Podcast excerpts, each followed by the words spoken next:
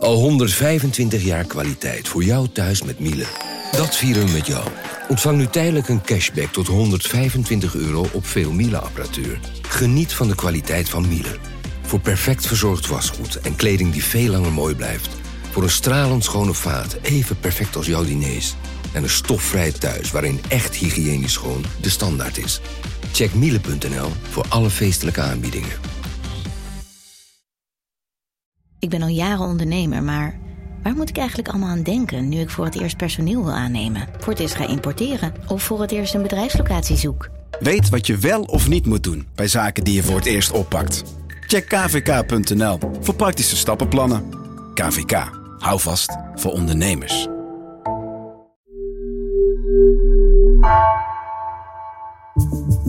Vanaf de redactie van NRC het verhaal van vandaag. Mijn naam is Gabriella Ader.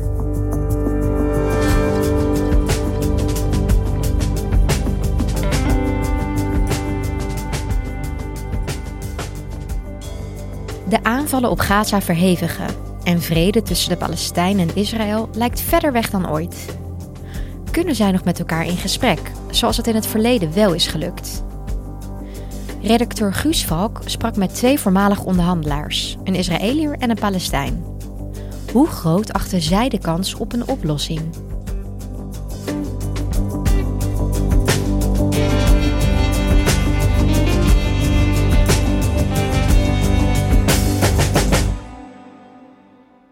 Guus, jij zit nu in uh, Jeruzalem, waar je verslag doet van de uh, Gaza-Israël-oorlog. Ja, kan je vertellen hoe het daar is?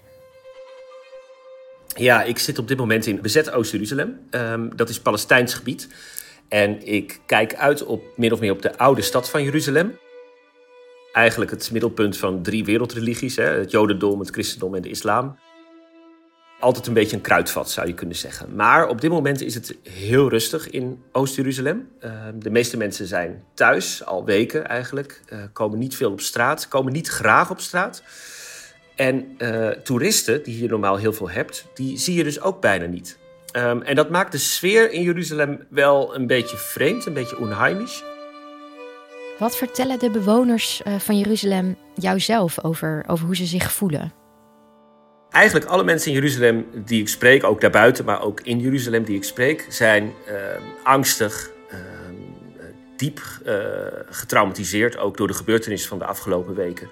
Mensen zitten eindeloos het nieuws te kijken. Ik, ik, ik moest net toevallig even batterijen kopen. En toen kocht ik dat bij iemand, um, bij een kraampje. En die man keek me niet eens aan. Die zat gewoon non-stop Al Jazeera te kijken met nieuwe beelden uit Gaza, met nieuwe bombardementen. Dat is de sfeer heel erg. Mensen uh, zijn alleen nog maar met die oorlog bezig. En daarbuiten is eigenlijk niks op dit moment. En de aanvallen gaan door van Israël op Gaza. Um, vanuit Gaza gaan ook de raketaanvallen op Israëlisch uh, grondgebied door. Bij de bombardementen uh, op Gaza vallen werkelijk honderden doden. Het is, het is echt verschrikkelijk om die beelden te zien uh, elke keer weer. Um, mensen in Gaza met wie ik contact heb zijn doodsbang. Je kunt eigenlijk nergens naartoe, want de bommen vallen overal. en dat gaat maar door. En uh, het wachten is nu heel erg op de volgende escalatie. Hè. Gaat, komt er misschien wel een grondoorlog? Uh, gaan de, de, bombardementen zich verhevigen nog? Uh, niemand weet het, maar het belooft in ieder geval weinig goeds. Toch, Guus, is het nog maar 30 jaar geleden hè, dat er toch vrede, of in ieder geval een oplossing tussen de Palestijnen en Israël, niet eens zo ver weg leek. Nee, dat klopt. Er is heel erg lang over vrede gepraat. En je kan het je bijna niet meer voorstellen, omdat het nu zo ver weg lijkt en, en, en niemand meer enige hoop heeft. Maar er zijn jaren geweest dat er wel degelijk hoop was. En dat wel degelijk geprobeerd is om tot overeenstemming te komen. En wat mij nou interessant leek, was om eens terug te gaan naar de mensen die destijds onderhandeld hebben uh, bij verschillende pogingen om tot vrede te komen. Om ook eens hun perspectief te zien op de huidige situatie. Omdat ik me afvraag van die hopeloosheid die ik overal in het land tegenkom, ervaren zij dat eigenlijk ook zo? Want als er mensen zijn die weten hoe de andere kant tussen aanhalingstekens denkt, dan zijn zij het. Want daar hebben zij zich uh, in ruime mate in verdiept. Mooi idee. En wie heb jij toen gesproken? Ik heb twee mensen gesproken. Um, de eerste is de Palestijnse politicus Mustafa Barghouti. Ik sprak hem op zijn kantoor uh, met een hele grote kast met allemaal foto's met wereldleiders waar hij op staat. Um, en het was daar een komen en gaan van mensen. En dan, en dan moest hij weer in een, in een Skype-gesprek met een of ander buitenlands medium. En dan, en dan belde er weer een politicus op. Um, het ging maar door en mensen bleven maar in en uitlopen. Dus het was een vrij chaotisch gesprek. Sorry about that. No, that's okay. Ah, Najat. Hallo? Iedereen wil met hem praten en dat komt een beetje omdat de Palestijnse autoriteit, de, het leiderschap van de Palestijnen op de westelijke Jordaanhoever, op dit moment slecht functioneert. Uh, Mahmoud Abbas, de president, is 87. Um, het leiderschap daar is eigenlijk een beetje stil. Um, maar Barghouti is verder van stil. En hij is eigenlijk een beetje de stem van de Palestijnen geworden in, uh, buiten Hamas voor de, de rest van de wereld. Zo moet je hem eigenlijk een beetje zien. The public is very angry at the situation, mm -hmm. and of course, the Palestinian Authority feels very much marginalized. Hij is arts van huis uit en hij heeft uh, ook een verleden als onderhandelaar. Uh, hij heeft namelijk tijdens de conferentie van Madrid in 1991 als Palestijnse onderhandelaar aan tafel gezeten met uh, de Israëlische premier Yitzhak Shamir en met de Amerikaanse president George Bush. Both sides listened closely as George Bush spoke of the overriding need for compromise. We seek peace, real peace. Dat was eigenlijk de eerste poging, zou je kunnen zeggen, eerste serieuze poging, uh, om eens te kijken van hoe ver kunnen we eigenlijk gaan? Is, eigenlijk, is het mogelijk om samen tot vrede te komen? En Barghouti zat daarbij. Everyone here in Madrid has pretty much the same assessment of this first day. The progress is in the fact that they are here. The road ahead will be very long and there are landmines everywhere. Als je het met Barghouti hebt over Madrid en ook over de nasleep daarvan, uh, zegt hij dat het de Palestijnse zaak echt op de agenda van de wereldgemeenschap heeft gekregen. Yeah, we were optimistic because we had a very good uh, change of the balance of power because of the first intifada. And it changed the course. The world started to see that Israel is oppressing Palestinians. Dat was de tijd van de eerste intifada. Palestijnen kwamen massaal in opstand tegen de bezetting. Uh, door middel van demonstraties, geweldloos verzet, uh, soms stenen gooien, maar ook aanslagen.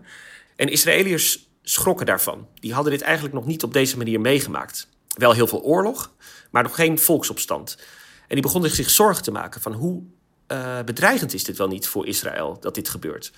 Dus dat creëerde ook een zekere urgentie aan het probleem, zou je kunnen zeggen.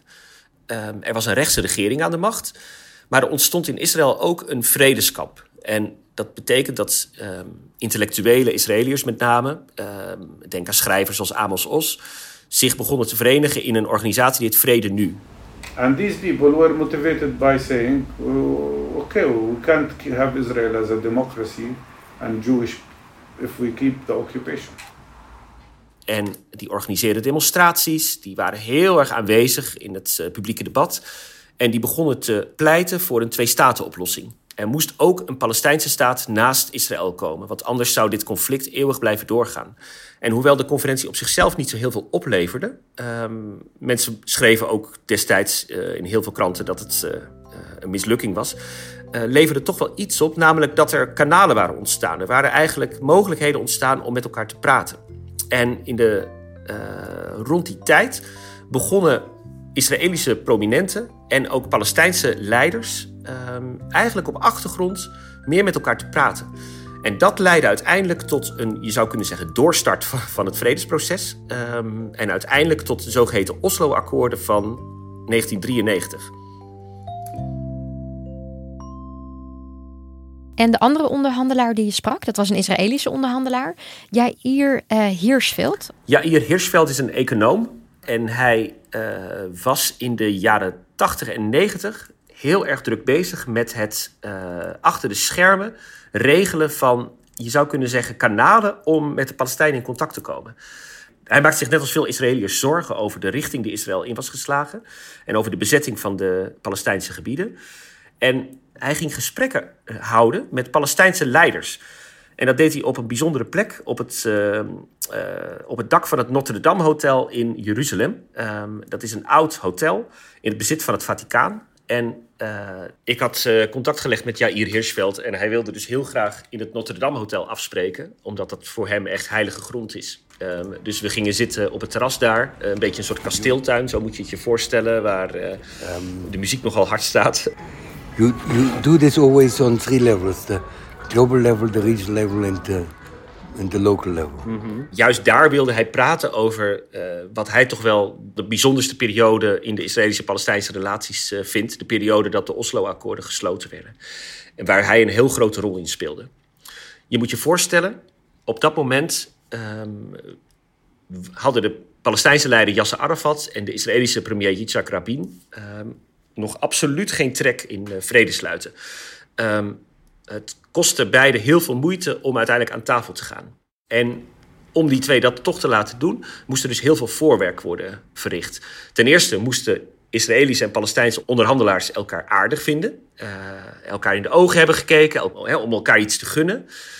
En ten tweede moet je ook weten, wat wil de ander eigenlijk precies? What is essential is um, that you're credible, that there's a sense of empathy. Mm -hmm. En Hirschfeld legde mij uit hoe hij dat dus deed. Eerst door in het geheim met elkaar af te spreken, want de PLO uh, was op dat moment absoluut verboden om mee te praten, maar hij deed het toch. You build up trust over years. It takes a lot of time to build up trust. Mm -hmm. Mm -hmm. Um, you have to prove again and again. En hij um, begon ook steeds meer vragen te stellen over, maar wat willen jullie dan precies? En op basis daarvan heeft hij een heel dik document geschreven, dat aan de Israëlische regering uh, gestuurd, waarin eigenlijk punt voor punt opgezond staat wat er volgens hem moet gebeuren om vrede tussen Israël en de Palestijnen te bereiken. Het leidde op 13 september 1993, net buiten het Witte Huis, tot een uh, historisch moment. De onmogelijke handdruk. Arafat en Rabin sluiten vrede voor het oog van de wereld. Israëlische minister van Buitenlandse Zaken Peres en PLO-topman Abu Mazen tekenen het akkoord waaraan zo lang in het diepste geheim is gewerkt. Uh, PLO-leider Yasser Arafat, de Israëlische premier Yitzhak Rabin en uh, de Amerikaanse president Bill Clinton uh, verschenen daar voor de wereldpers en Arafat en Rabin schudden elkaar de hand. Zou niet de warmste, maar misschien wel de belangrijkste handdruk van de eeuw worden. Arafat maakt duidelijk de eerste beweging. Niet Rabin, maar de uitgestoken hand wordt aangenomen. Niet echt van harte, maar toch. Ik denk dat iedereen die uh, in ieder geval toen de leeftijd had om het nieuws te volgen, uh, zich dat moment nog heel erg goed herinnert. Omdat er op dat moment een soort golf van hoop door de wereld ging. Uh, dat het misschien toch goed zou kunnen komen.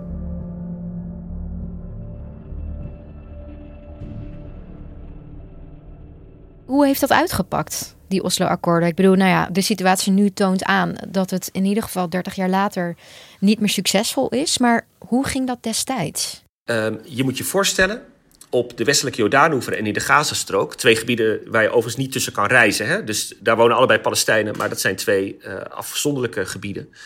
Um, in die twee gebieden mochten Palestijnen het voor het zeggen krijgen. Dat wil zeggen, een klein deel van die gebieden mochten ze het voor het zeggen krijgen. Uh, dat noemden ze gebied A. Um, dan moet je vooral denken aan de stedelijke gebieden. Daar mocht Arafat uh, ja, eigenlijk zijn eigen regering en zijn eigen overheidsapparaat opbouwen. Met hulp van de internationale gemeenschap. Dat is de Palestijnse autoriteit gaan heten. Um, in een deel, dat was gebied B, uh, mocht Israël samen met de Palestijnen uh, voor een vorm van bestuur zorgen. En het grootste deel van de westelijke Jordaanoever, dat is gebied C, uh, ongeveer twee derde van de grond. En die is nog steeds volledig onder bestuur van Israël. Um, daar gingen beide zijden mee, akkoord met deze afspraak. Het gevolg daarvan is dat de westelijke Jordaanoever, in ieder geval het gebied waar de Palestijnse autoriteit het voor het zeggen heeft, een, beetje een rommeltje is geworden. Um, het zijn allerlei versnipperde enclaves midden in, uh, uh, in een toch al klein gebied. Um, en die gebieden zijn van elkaar afgesloten door checkpoints, door muren, door nederzettingen die er steeds meer gesticht zijn. Dus levensvatbaar is dat absoluut niet. Het idee toen was, vertelde ook Jair Hirschveld mij, dat dat een tijdelijke oplossing zou zijn en dat uh, er dan snel onderhandeld zou worden over een echte Palestijnse staat. Um, maar dat is er nooit van gekomen. En waarom denk je dat dat dan uiteindelijk toch zo anders heeft uitgepakt? Er zijn heel veel dingen tegelijk gebeurd, die allemaal eigenlijk het proces volledig verstoord hebben. Ten eerste dus de reactie in Israël. Uh, Yitzhak Rabin, de premier, die had met Yasser Arafat en Bill Clinton natuurlijk die, die beroemde handdruk uh, uh, gedaan. Hè? En het was voor de hele wereld een, een baken van hoop. Maar in eigen land ontstond er heel veel verzet. En onder meer door een ware hetze van Benjamin Netanyahu, daar is hij al, uh, die op dat moment in de oppositie zat, ontstond er een sfeer in Israël van uh, deze man is een gevaar voor Israël. En in 1995 is Rabin vermoord in Tel Aviv. Goedenavond, dames en heren. De Israëlische president Rabin is vermoord. Dat gebeurde vanavond tijdens een vredesdemonstratie in de Israëlische stad Tel Aviv, waar hij een van de sprekers was. Rabin werd geraakt door zeker twee kogels. Yitzhak Rabin werd vermoord door een uh, extreemrechtse Israëliër, uh, Yigal Amir. En uh, Amir gaf ook later toe dat hij dat deed om het vredesproces tot stilstand te brengen. Um, na de moord op Rabin kwam Netanyahu vrij gauw aan de macht. En dat heeft in ieder geval de bereidwilligheid om met de Palestijnen te praten geen goed gedaan. Dat gebeurde bij Israël. Ook bij de Palestijnen ontstond veel frustratie over wat Oslo eigenlijk uh, betekende. Want Palestijnen hadden het gevoel van: ja, wacht even, ze hebben niet met een kluitje in het riet gestuurd. We hebben zogenaamd zelfbestuur gekregen, maar om uh, Ramallah binnen te komen moet je door een Israëlisch checkpoint. En om eruit te komen moet je ook weer door een Israëlisch checkpoint. Um, ze vallen elke dag binnen, uh, ze arresteren wie ze willen. Dus er is nog steeds sprake van bezetting. Wat is dit eigenlijk voor oplossing? De rechteloosheid op de westelijke Jordaanoever, die eigenlijk in stand bleef, uh, leidde ertoe dat er ook heel veel nieuwe Joodse nederzettingen op de westelijke Jordaanoever zijn gesticht. Er zijn inmiddels al meer dan 200. Die nederzettingen uh, zijn illegaal volgens internationaal recht en houden eigenlijk ook in de praktijk de vorming van een Palestijnse staat tegen. Verder ontstond bij de Palestijnen ook een oppositiebeweging in de naam van Hamas. Hamas is een beweging die in de jaren 80 opkwam, um, eigenlijk als een soort tak van de moslimbroederschap. En die zich aanvankelijk heel erg richtte op uh, welzijnsprojecten en dat soort zaken. Maar die steeds politieker werd. En zij begonnen het gewapende verzet dat de PLO uh, een beetje had neergelegd, eigenlijk opnieuw op te nemen. En ze werden eigenlijk een oppositiekracht binnen de Palestijnse gemeenschap. In 2006 zijn er verkiezingen gehouden. Die won Hamas. Maar uh, die verkiezingen uh, leidden uiteindelijk tot een uh, burgeroorlog. Waarbij Hamas Fatah, de partij van Mahmoud Abbas, uit de Gazastrook zette. En Hamas werd juist weer afgezet op de westelijke Jordaanoever. Dus sindsdien zijn die twee gebieden eigenlijk helemaal politiek van elkaar gescheiden. Um, dat helpt natuurlijk ook niet mee om tot vrede te komen. En was dat dan ook een beetje ja, toch wel het einde van die hoop op, op, op een oplossing. Het is nog wel geprobeerd. Um, Jair Hirschveld vertelde erover dat hij in 2008 samen met de toenmalige premier Ehud Olmert een nieuwe poging deed. Wat ze eigenlijk gingen doen is, ze pakten de kaart van, uh, van het gebied dat uiteindelijk verdeeld moest worden. En ze gingen eigenlijk voor zichzelf een beetje die kaart hertekenen. Dus ze zagen bepaalde nederzettingen. dachten, nou, deze kunnen we wel ontruimen, deze niet. En zo gingen ze opnieuw lijnen trekken. We maken de Gazastrook een stukje groter en dan geven Palestijnen daar een stuk land. En misschien komt er wel een corridor tussen Gaza en de westelijke Jordaanoever. En zo gingen ze met die landkaart op tafel, zo stel ik me dat dan voor, en een potloodje eigenlijk tekenen hoe het ook zou kunnen. Nou, dat was, je zou kunnen zeggen, de laatste oplossing, of in ieder geval poging daartoe, die er vanuit Israël is ondernomen. Um, en dat voorstel is weggehoond door uh, het Palestijnse leiderschap, die daar absoluut geen zin in hadden. Wat denken die twee onderhandelaars, hè, die jij dus um, uh, sprak, wat denken zij ervan over de situatie nu? Zien zij nog hoop? Het is heel lastig als je hen spreekt. Ergens hebben ze hun optimisme nooit helemaal van zich afgelegd. Ze geloven allebei nog wel dat het mogelijk zou moeten zijn. Maar tegelijkertijd weten ze ook dat dat bijna niet meer kan. Um, dus het is wel, ik zou maar zeggen, hoop met een heel zwart randje wat je van ze krijgt. I know it looks now very complicated, but I think we should be clear. Want uh, Mustafa Barghouti, de Palestijn, zegt... ja, het kan alleen vrede worden als alle Joodse nederzettingen verdwijnen... en wij de hele westelijke Jordaanoever en de Gazastrook krijgen. Don't play games with me and say it's two-state solution. Mm -hmm. Mm -hmm. Daar zal Israël vrijwel zeker nooit mee akkoord gaan. Um, Jair Hirschveld denkt dat het ook nog wel kan. Uh, maar denkt dan dat Hamas uh, moet worden afgezet. En dat uh, Israël een soort nieuw Palestijns leiderschap moet creëren. Um, maar ja, dat zal natuurlijk nooit door de Palestijnse bevolking geaccepteerd worden. Een, een opgelegd leiderschap. Dus dat is ook niet een, een, een weg om te bewandelen. Um, dus ja, ze zeggen dat vrede mogelijk is. Maar tegelijkertijd, als je dan vraagt hoe dan dan voel je meteen al aan van dit, dit gaat hem niet worden. Nou, dat is een vrij deprimerende boodschap. Wat, ja, wat, wat denk jij hiervan? Hoe gaat het verder, denk je? Het is heel moeilijk om te voorspellen in, het, uh, in, in dit conflict. Er zijn twee partijen die, zoals Hirschfeld dat wel mooi zei, die een existentiële strijd voeren. Die dus allebei uh, het gevoel hebben dat hun voortbestaan op het spel staat. En uh, dat maakt dit conflict ook soms tot zo'n zero-sum game. Met, waarbij het onmogelijk is om je te verplaatsen in de ander. Omdat dat meteen leidt in het eigen kamp tot de vraag van... oh, maar wacht even, ons voortbestaan staat op het spel. Dankjewel, Guus. Alsjeblieft.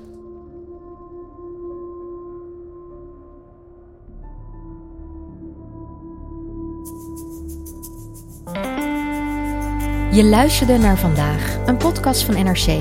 Eén verhaal, elke dag. Deze aflevering werd gemaakt door Tessa Kolen, Nina van Hattem en Stef Visjager. Coördinatie door Henk Ruigrok van de Werven. Dit was vandaag, maandag weer.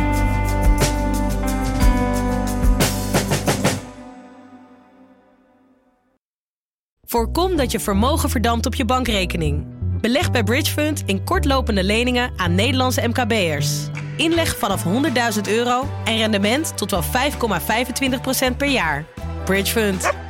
Make money smile. Let op, u belegt buiten AFM-toezicht. Geen prospectusplicht voor deze activiteit.